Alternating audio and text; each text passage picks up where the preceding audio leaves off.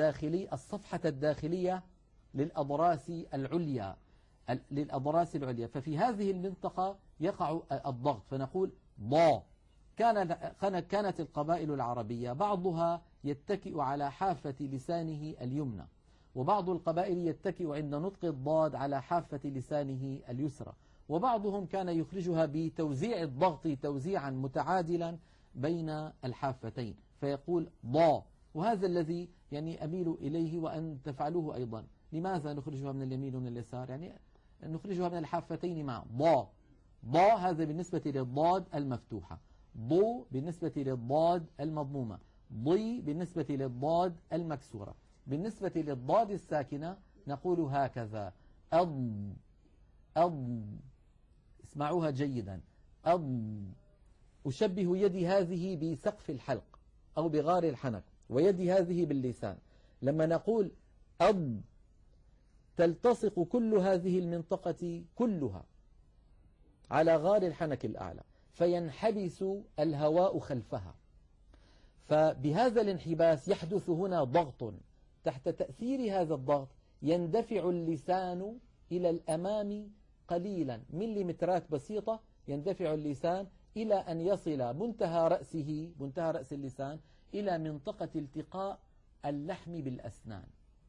أض أض فقط ولا يزيد لأننا لو زدنا واستمر اللسان في الخروج لوصل إلى هنا إلى أطراف الأسنان العليا وهي منطقة حرف الضاء لذلك نجد في العاميات خلطا أحيانا بين الضاد والضاء انتبهنا كيف؟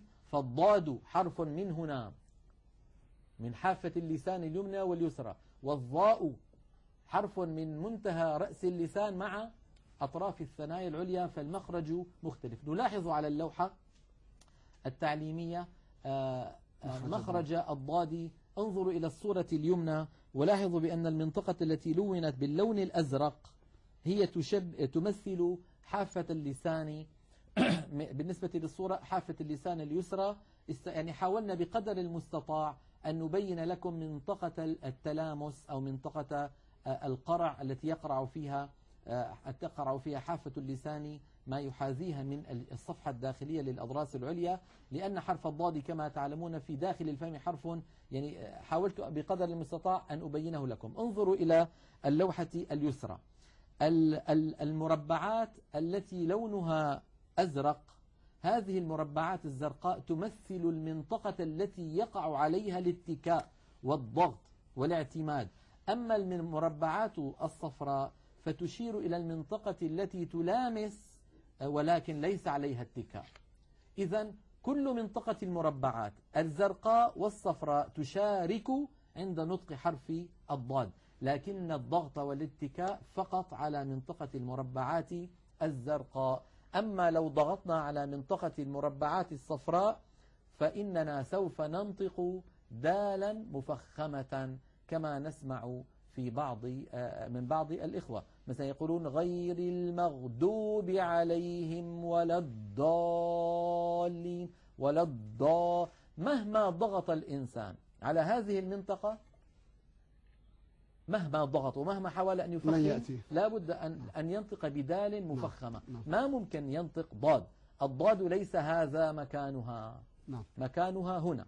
إذا هذا بالنسبة لحرف الضاد سواء كان ساكنا أو متحركا. ويعني في الكتب أن هذا الحرف قد انفردت به اللغة العربية لذلك يقولون عنها لغة الضاد. أما حرف اللام يا إخوة فإنه يخرج لو شبهت يدي هذه باللسان يخرج من منطقة أدنى حافة اللسان إلى منتهاها من اليمين وأدناها إلى منتهاها من اليسار. من أدنى هذه المنطقة إلى منتهاها ومن الأدنى إلى المنتهى. هذه المنطقة هي منطقة اللام. ومنطقة الحافتين هذه منطقة الضاد. عند نطق اللام لا تلامس شيئا بل تكون بعيدة. لذلك الهواء خارج من هنا من القصبة الهوائية إلى الفم. فلما يصل الهواء إلى الفم ويقول الإنسان أل أل يجد الهواء أمامه هذا هذه المنطقة مقفلة.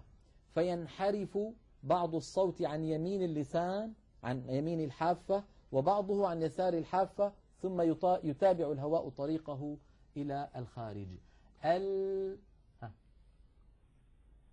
اليمين واليسار منطقة الضاد لا تلامس شيئا فقط التلامس هنا. أدنى الحافة إلى منتهاها هذا هو مكان اللام. ال الحمد لله رب العالمين.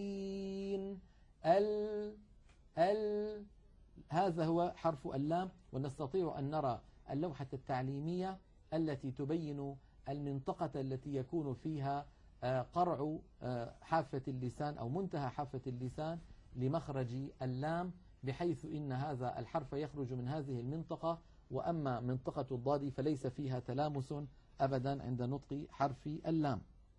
اللوحة لو سمحت نعم.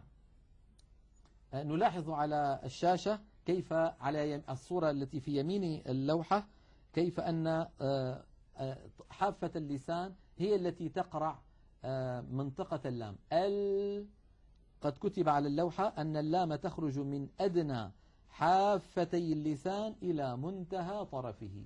حافتي لاحظوا التثنية. ال نعم. أما الصورة التي على المنطقة اليسرى من اللوحة التعليمية فإن المربعات الزرقاء التي نراها أمامنا هي المنطقة التي يقرع فيها اللسان غار الحنك الأعلى. هذه المنطقة هي منطقة اللام. ال هكذا نكون قد بينا الحرفين اللذين يخرجان من حافة اللسان سواء ذلك من منطقة الأد أقصى الحافة إلى منتهاها أو من منطقة منتهاها إلى رأس اللسان. آه، وبحول الله وقوته نتابع في الحلقة القادمة كلامنا عن حروف اللسان آه، التي تلي حرف الضاد وحرف اللام. وصلى الله على سيدنا محمد وعلى آله وصحبه وسلم. شكرا دكتور أيمن على هذين